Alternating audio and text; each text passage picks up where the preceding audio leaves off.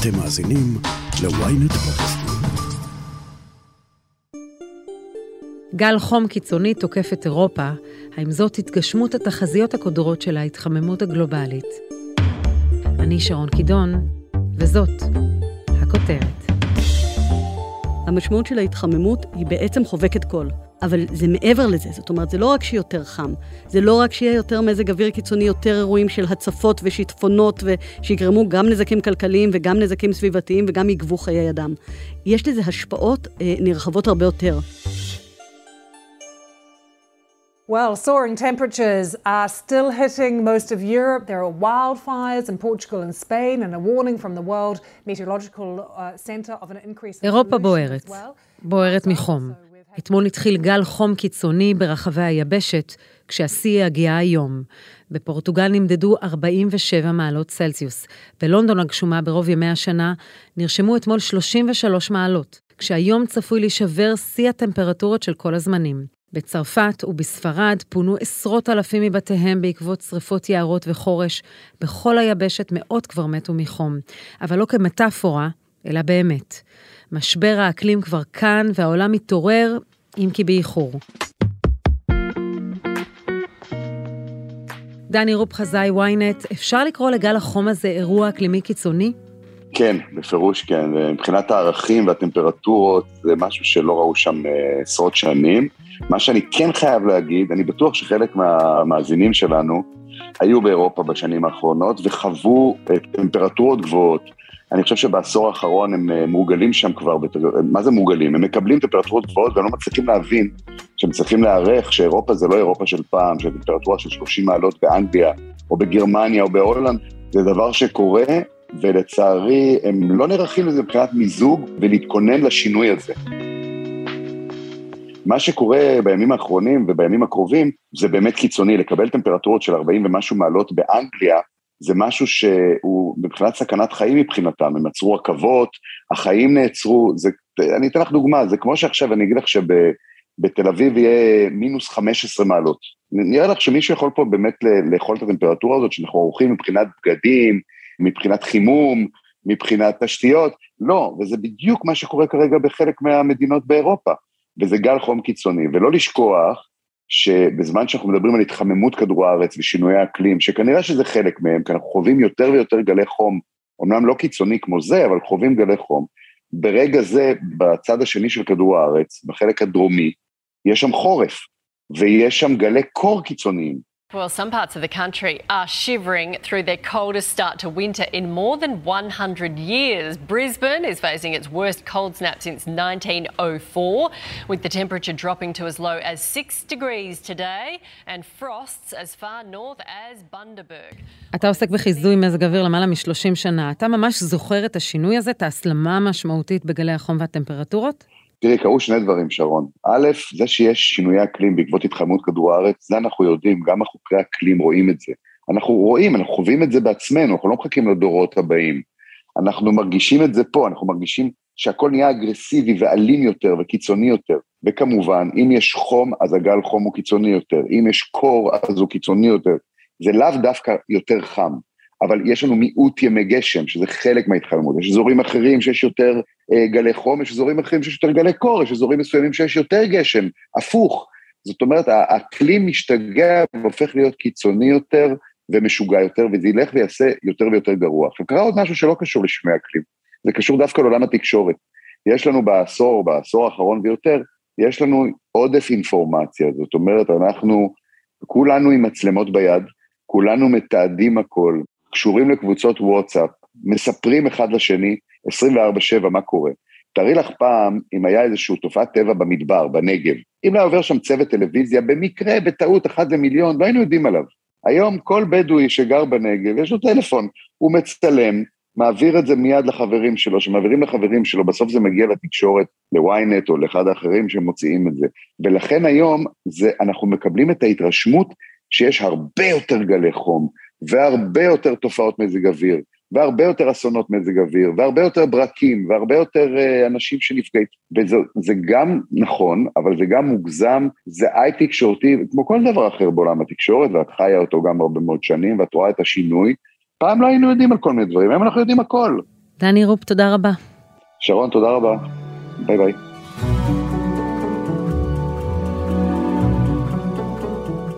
לפני שנחזור לפתרונות להפחתת משבר האקלים, ננסה להבין עם תמי גנות, סמנכ"לית אדם טבע ודין, האם מה שחווים היום באירופה זה חלק מהתסריט שצפינו, או שזה הגיע הרבה יותר מוקדם מהמצופה? זה הרבה יותר גרוע והרבה יותר מהיר ממה שהוערך. זאת אומרת, אנחנו לאורך השנים, עשורים, אנחנו רואים תרחישים שונים אה, למשבר האקלים, לקצב, לגבי ההתפתחות של האירועים, ומה שאנחנו קורא, רואים עכשיו, לנגד עינינו קורה ברחבי העולם, קורה בקצב מהיר יותר, קורה עם תוצאות חמורות יותר, ולצערי הרב, הקצב הזה לא נראה בפעילות של ממשלות כדי לפעול בעניין, כדי למנוע. מה המשמעות של ההתחממות הזו? המשמעות של ההתחממות היא בעצם חובקת קול. זאת אומרת, ההתחממות תהיה הרבה יותר מאשר שיהיה לנו יותר לא נעים, וגם ככה, אוגוסט בישראל, כולנו מכירים כמה זה לא נעים. אנחנו רואים בעולם, זה עולה בחיי אדם, אבל זה מעבר לזה. זאת אומרת, זה לא רק שיהיה יותר חם, זה לא רק שיהיה יותר מזג אוויר קיצוני, יותר אירועים של הצפות ושיטפונות, ושיגרמו גם נזקים כלכליים וגם נזקים סביבתיים וגם יגבו חיי אדם. יש לזה השפעות אה, נרחבות הרבה יותר. זה משפיע על הביטחון התזונתי. על היכולת לקיים חקלאות שתספיק לנו ותקיים אותנו. זה משפיע על המתיחות האזורית. זה משפיע על זה שמאות אלפים, מיליונים, יאבדו את הבית שלהם. זאת אומרת, אנחנו נראה תופעה הולכת וגדלה של מהגרי אקלים, פליטי אקלים, שלא יוכלו להמשיך לחיות איפה שהם חיים, והם יגיעו וידבקו על דלתות מדינות שכנות וכולי. אנחנו מדברים על מחלות חדשות, מחלות אה, שפעם היו אה, אנדמיות שהיו רק באזור מסוים ופתאום התפשטו יותר. באמת אין תחום בחיים שלא יושפע בצורה משמעותית ו- ויהיה הרבה פחות נוח והרבה יותר אה, בעייתי. וגם כאן החלשים יסבלו. החלשים יסבלו יותר, כן. משבר האקלים יפגע בכולנו, אבל לא בכולם באותה מידה. אה, האוכלוסיות המוחלשות, העניים, נשים, אה, קשישים, ילדים, חולים, האוכלוסיות האלה ישלמו מחיר הרבה הרבה יותר כבד. קודם כל, כי אין להם את האמצעים לעבור למקום נוח יותר, אין להם אמצעים לדאוג שהבית שלהם יהיה מבודד יותר, לדאוג שיהיה מיזוג אוויר, אין להם אמצעים לקנות אוכל, ירקות ופירות, כשבחוץ המחירים הולכים ומאמירים. זאת אומרת, אנחנו מדברים כאן בפגיעה הרבה יותר חזקה, וזה גם בהיבט התשתיתי. זאת אומרת, רשויות שהן רשויות מאשכולות נמוכים, יש להן הרבה פחות תקציב להיערך כמו שצריך, להבטיח ניקוז טוב, להבטיח נטיעת עצים, להבטיח שיהיה פחות חם. יש פה פערים שהולכים וגדלים, והנושא של המשבר האקלים הוא אחד האיומים הגדולים על הצדק והשוויון הכלכלי-חברתי.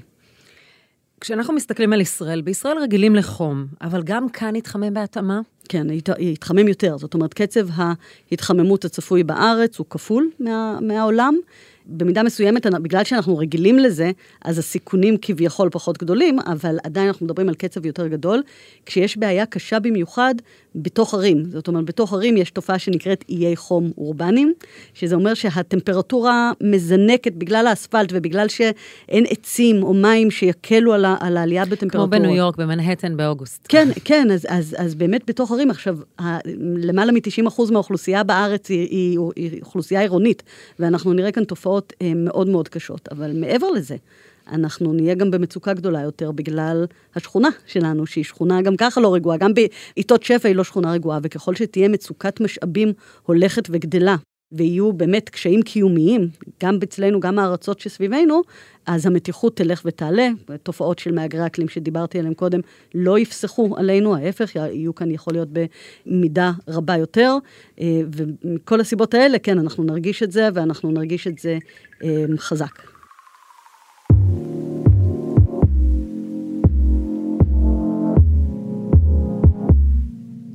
אז סביר שנרגיש את זה חזק, וכשאנחנו מדברים על התחממות גלובלית, אנחנו מדברים על לכאורה עלייה של מעלה אחת בלבד בממוצע, אבל זו לא חזות הכל. דוקטור אמיר גבעתי מהחוג ללימודי סביבה באוניברסיטת תל אביב, והמדען הראשי של ניהול משאבי סביבה, מסביר לנו כי ממוצע הטמפרטורות לא באמת משקף את המצב האמיתי. אז יש את הממוצע ויש את השיאים. אם אנחנו מסתכלים על הממוצע, אז מדובר על מעלה מאז uh, בערך בשלושים שנה האחרונות בצורה גלובלית. ממוצע, כידוע, הוא קצת משקר, כמו שאפשר לטבוע בבריכה עם גובה מים ממוצע, אז כך גם הממוצע לא בעצם משקף לנו את התמונה המלאה. מעלה אחת זה נשמע מעט, אבל אם אנחנו נחשוב על הגוף שלנו, מספיק שהטמפרטורה עולה מ-36 וחצי ל-7 וחצי, אנחנו כבר מרגישים לא טוב, בדיוק ככה בכדור הארץ. אז המגמה הרב-שנתית עלתה במעלה. אבל מה שנקרא אנומליה, הסטייה מהנורמה לשיאים, הטמפרטורה הקיצוניות, היום בבריטניה אנחנו מדברים על 15 מעלות ביחס לממוצע. יום קיץ טיפוסי לונדוני ביולי, משהו כמו 24-25 מעלות. יש גם תחזיות שמדברות על מעבר לזה, על 41 מעלות, שזה באמת אה, היה נחשב לאפוקליפסה, לאחרית הימים עד לפני כמה שנים. צפיתם את גלי החום האלה בשנים האלה? אז צריך להגיד ביושר, לא. הבריטים, ששוב, הם מובילים במדידות, אבל גם במודלים, עשו עבודה מאוד מעניינת, והם הראו סימולציה ש... 40 מעלות זה משהו שיקרה רק ב-2030, ו-43 מעלות ב-2050. והנה אנחנו ביולי, אמצע יולי 2022, וזה קורה הרבה יותר מהר מהתחזיות, אנחנו מגיעים לצפי של 2030 כבר עכשיו, ובאמת אני חושב שכל האנושות צריכה לשאול את עצמה, אוקיי, אז איך זה קרה? איך זה שחשבנו שרק עוד 10, 30 שנה, דור מעכשיו, אנחנו נגיע לקיצוניות הזאת, זה קורה כבר עכשיו. אני חושב שהסיבה היא שפשוט הפליטות גזי החממה לא מתנהגות כמו שתכננו. היה האטה מסוימת בתקופת הקורונה בגלל הסגרים, אבל מאז שיצאנו מהקורונה, אנחנו רואים את הנתונים, זה מזנק שוב, ולא רק זה, פחות מדברים על זה ולא שמים לב, אבל לאחרונה, לפני שבוע, האו"ם פרסם דוח על קצב כריתת היערות באמזונה, שזה בעצם הצד השני של המטבע, כי מצד אחד אנחנו משחררים גזים לאטמוספירה, שפשוט מונעים מקרינת השמש לצאת, וזו הסיבה להתחממות, מצד שני העצים שקולטים את אותם גזים נעלמים. אז יש פה בעצם פידבק כפול, וזה אנחנו, אנחנו בשנים האחרונות מאיצים את הזיהום, מאיצים את הפליטות, ואת התוצאות רואים, אה, רואים בחוץ. וכשאתה רואה באמת את מה שקרה, את גלי החום האלה, אז מה הצפי בשנים הקרובות? זה יסלים עוד יותר? באמת צריך לעשות פה שידוד מערכות למודלים ובאמת להריץ סימולציות מעודכנות עם ריכוזי גזי החממה שיש בפועל ולא מה שחשבו, אבל אין לי ספק, כן, אני חושב שאם אנחנו מסתכלים על כל הנושא הזה של משבר האקלים, יש בו הרבה אי-ודאיות. נושא של הסופות, הוריקנים, הצפות, אם יש משהו שהוא ככה ברור, ואנחנו רואים את זה בכל העולם, זה הנושא של הגלי חום וההקצנה והשרפות. שרפות זה אה, תוצר לוואי של גלי החום, אני חושב שלזה אנחנו צריכים להיערך אה, כבר עכשיו, זה, אם כבר עכשיו אנחנו מגיעים ל-40 מעלות באירופה ובצפון אירופה, כן, בבריטניה, אני רק מזכיר, אנחנו חווינו טמפרטורות של 45 מעלות בקיץ שעבר, הקיץ הזה למזלנו עוד מתון עדיין, זה לא אומר שזה לא ישתנה, ו-49 מעלות, שנה שעברה הגענו ל-49.9, כמעט 50. אז כן, אנחנו צריכים ככה לתכנן את התשתיות באמת לטמפרטורות הרבה יותר גבוהות, לתדירות יותר גדולה של גלי החום, זה תנאים שלא הכרנו, גם החקלאות, גם התשתיות, לא, לא הכירה טמפרטורות כאלה. אז אם התחזיות של העולם פספסו והמשבר בא מוקדם יותר, למה אנחנו צריכים להיערך? אני חושב שמה שקורה היום בבריטניה, אה, בכלל במערב אירופה, זה חד משמעית מצב חירום. הפרסומים מדברים על אה, כאלף פטירות עודפות רק בגלל גל החום, אז אם זה לא מצב חירום, אני לא יודע מה. ופעם ראשונה בתולדות הממלכה הם אה, הוציאו התראה של רד אלרט, צבע אדום. אנחנו מכירים צבע אדום מהקשרים אחרים, אבל בבריטניה זה פעם ראשונה, פעם ראשונה באמת, מאז שהתחילו המדידות, אז הם מתייחסים לזה כאל מצב חירום, ואם נסתכל ככה על העיתונות שמה, היום בתי הספר לא יפעלו, ברכבת התחתית יהיו שיבושים, ממש כמו מה שאנחנו מכירים אצלנו, או מסגרים, כן, מצבי חירום בריאותיים, או ממצבים ביטחוניים. משבר האקלים הוא מצב חירום, כן, זה לא איזשהו באמת איזה הפחדות שמה שיקרה בדורות הבאים, זה, זה קורה כבר עכשיו, עוד פעם, מספיק להסתכל על המספרים, אה, וזה לא, לא רק אירופה, אירופה זה ככה בכותרות, כי כולם מכירים את לונדון ופריז, אבל בשנגחאי שבוע שבוע הציע טמפרטורות, הרבה מקומות באסיה חווים באמת את הפגעי מזג האוויר האלה, אה, הברית, אני מזכיר, שנה שעברה הייתה השנה הכי קשה מבחינת שריפות ותמותה. פעם ראשונה שהתמותה מחום אה, הפכה להיות הגורם, מכל אסונות הטבע, צונאמי, רעידות אדמה, גלי חום. אז יש פה סיפור באמת הורג, גלי חום, מזג אוויר הורג, אין, אין דרך אחרת להגדיר את זה. Israel is at the beginning of a revolution on climate change. We recently started implementing our 100 step plan, which means that we're currently doing more to promote clean energy and reduce greenhouse gases than at any other time in our country's history. לפני פחות משנה ראינו את מנהיגי העולם מגיעים לוועידת האו"ם לשינוי אקלים בגלאזגו. ישראל אפילו שלחה את הנציג הבכיר ביותר, ראש הממשלה דאז נפתלי בנט. אבל עם כל הכבוד לחגיגות, האם הוועידה הזאת וועידת פריז שבה נחתם הסכם פריז השפיעו במשהו? אז מצד אחד המודעות גדלה. אני זוכר עוד שאני, שאני עוד הייתי סטודנט, אז באמת זה היה ככה איזשהו אישיו רק למה שקראו מחבקי עצים ומדענים. בשנים האחרונות אין ספק שיש מודעות, ובאמת התקשורת עוסקת בזה.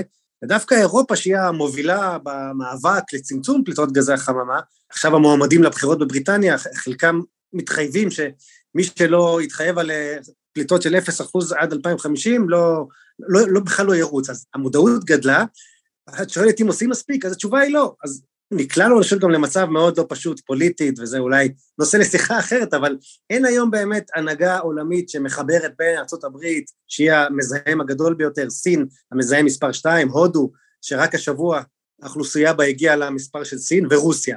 אז המצב הפוליטי, הגיאופוליטי העולמי בעצם מונע להגיע להסכמים, לממש את הסכם פריז ואת הסכם גלסגו שניסחו מחדש ב-2021, אז מדברים על זה הרבה, אבל בפועל לא עושים. הייתי רוצה להגיד כמעט לא עושים שום דבר, ובעצם אנחנו הולכים אחורה. גם היום התפרסמו באמת נתונים מגרמניה על צריכת הפחם. פחם זה האסון הכי גדול הסביבתי שיש.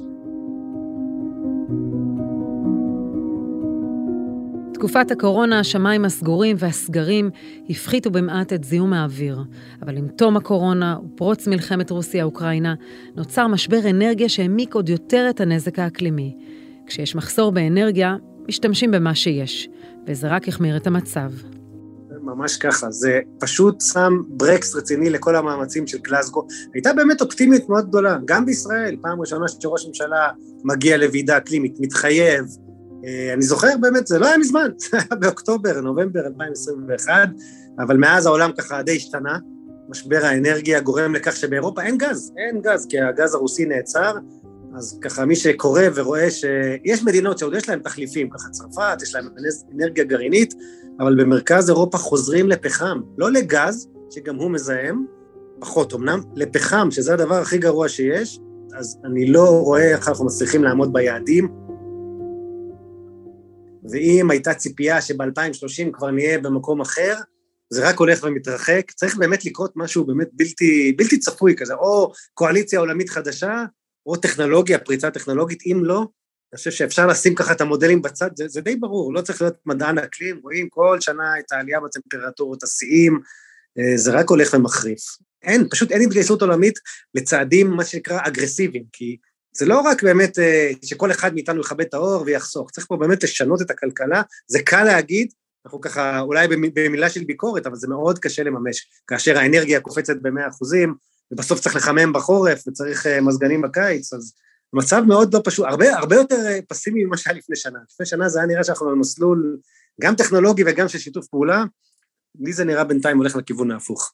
דוקטור אמיר גבעתי, תודה רבה. תודה לכם. עד כמה ישראל מפגרת במאמץ לצמצם את משבר האקלים. הודעה קצרה ומיד נמשיך עם הכותרת. ynet פלוס החדש עם הסיפורים הכי מעניינים ומיטב הכותבים. חודש ראשון בחמישה שקלים ותשעים בלבד. למצטרפים חדשים כפוף לתנאי השימוש.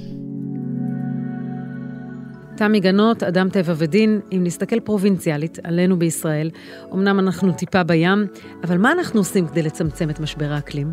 בישראל אה, יש ניסיון, כן, לחוקק חוק אקלים. עוד השרה הקודמת, גילה גמליאל, הניחה תזכיר ממשלתי. השרה הנוכחית, הממשלה הנוכחית, הצליחה להעביר חוק אקלים עם יעד של איפוס פליטות ב-2050, הצליחה להעביר אותו בקריאה ראשונה. אה, שזה משמעותי, כי יש דין רציפות ואנחנו מתחילים את הקדנציה הבאה מנקודה אחרת, אבל בפועל, מה שקורה היום זה שעדיין אין חוק אקלים. יש החלטות ממשלה, החלטות ממשלה לא מקוימות, הרבה פעמים לא מתוקצבות. אנחנו מסתכלים על הפוטנציאל של השימוש באנרגיה סולארית בישראל, שזה ווין ווין, זאת אומרת, זה לא רק פחות גזי חממה, אלא זה גם פחות זיהום אוויר, זה, זה אנרגיה שהיא עצמאות אנרגטית, שאנחנו פחות תלויים בדלקים פוסיליים אה, אה, ממקורות זרים. זה אפילו כבר הולך ונהיה יותר משתלם כלכלית. ולמרות כל זאת אנחנו נמצאים באחוזים אפסיים ולא עומדים בהחלטות אה, ישנות עוד שהתקבלו, עוד לפני שהעלו את רמת השאפתנות. זאת אומרת, זה ברור שמבחינת קצב הפעילות בישראל אנחנו חייבים אה, להעלות דרגה. חוק הוא אמצעי לזה, אבל צריך לעשות את זה גם בתקצוב וגם בהיערכות בפועל. חשוב להגיד, חוק מדבר על הפחתת פליטות, אבל לא רק. אחד האלמנטים הכי משמעותיים בחוק הוא שהוא מחייב תוכניות היערכות. אנחנו דיברנו על כל האסונות שאנחנו רואים, וזה נשמע כמעט אפוקליפטי, זאת אומרת אין מה לעשות, אבל האמת היא שיש הרבה מה לעשות.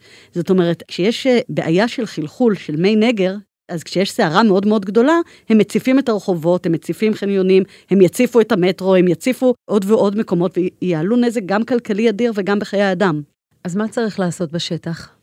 היערכות נכונה, שתקפיד על שטחי חלחול, שתעשה אה, החדרה של, של המים, תהפוך אותם ממטרד למשאב, אנחנו גם במחסור במים. ההתפלה היא נתפסת כפתרון קסם, אבל היא לא. אנחנו עדיין, ישראל הולכת ומתייבשת, ו, ובהקשר הזה זה אפשר להפוך את המטרד הזה למשאב, אבל צריך לפעול וצריך שהמדינה תשים על השולחן את הנושא הזה כנושא אסטרטגי, כנושא שצריך לתקצב ולפעול בו. זה עדיין לא קורה. הייתה הופעה חגיגית מאוד של ראש הממשלה אז בנט בוועידת גלזגו, היה נראה שישראל מתגייסת, ישראל גם חברה להסכם פריז, אבל יש להסכמים האלה שיניים? כלומר, ישראל מחויבת או שזה עניין וולונטרי? להסכמים האלה, אחת הבעיות באופן כללי במשפט בינלאומי זה בלי שיניים, זאת אומרת, ישראל כביכול לא מחויבת, אבל החובה של ישראל היא חובה קודם כל פנימית. זאת אומרת, קודם כל את רואה את, את רוב המדינות האלה, רוב מדינות ה-OECD, רוב המדינות המפותחות הן מדינות שיש להן חוק אקלים שמייצר חובה עצמאית לפעול. אבל יש פה אינטרס, זאת אומרת, גם אם היא לא מחויבת, יש פה אינטרס אדיר לפעול. יש קואליציה של שרי אוצר ושרי כלכלה מכל העולם, מכל אירופה ו- ומדינות מתפתחות ואפריקה וכולי, כ-70 אה, שרי אוצר, שפועלים יחד כדי להכין את המערכת הפיננסית, גם כדי להבטיח את היציבות שלה בעידן של משבר אקלים, שיש כמובן איומים גדולים, אבל גם כדי להבטיח שהיא תשמש מנוע להעברת כספים לטובת כלכלה דלת פחמן. ועובדים ביחד, וזה מועדון שגם ישראל רוצה להשתייך אליו, ברור שהנזק יהיה גם נזק כלכלי. ישראל יכולה לא רק ליישר קו, אלא יכולה, וגם את זה אמר ראש הממשלה בהופעה שלו בגלסקו, היא יכולה להיכנס ולהוביל מבחינת טכנולוגיות וחדשנות. אם היא אכן רצינית בעניין, זאת אומרת, אם אכן יהיה את המימון ויהיה יישום של הטכנולוגיות האלה בארץ, ובשביל זה צריך שהארץ באמת תהיה מחויבת להפחתות ומחויבת להיערכות. דיבורים זה לא מספיק. כדי שישראל תצא לתוכנית פעולה ממש, היא צריכה חקיקה ותקצוב. בניגוד למדינות רבות ששרי האוצר שלהן השתתפו בוועידת גלסגו, אצלנו השר ליברמן נשאר בבית. אנחנו ראינו את ג'אנט ילן מארצות הברית באה ומדברת על החשיבות של זה, ואת אותה קואליציה של שרי אוצר, ושר האוצר, שהוא קריטי גם כדי לתקצב, אבל גם כדי להוביל את המערכת הפיננסית, את המוסדות, את בנק ישראל, את אה, רשות ניירות ערך, את, המוסד, את ה, באמת את כל המערכת הפיננסית למקום שבו אנחנו רוצים להיות, צריך שר אוצר שיירתם בצורה מלאה לנושא. אז זו כנראה משימה שתישאר לממשלה הבאה. תמי גנות, תודה רבה. תודה לך.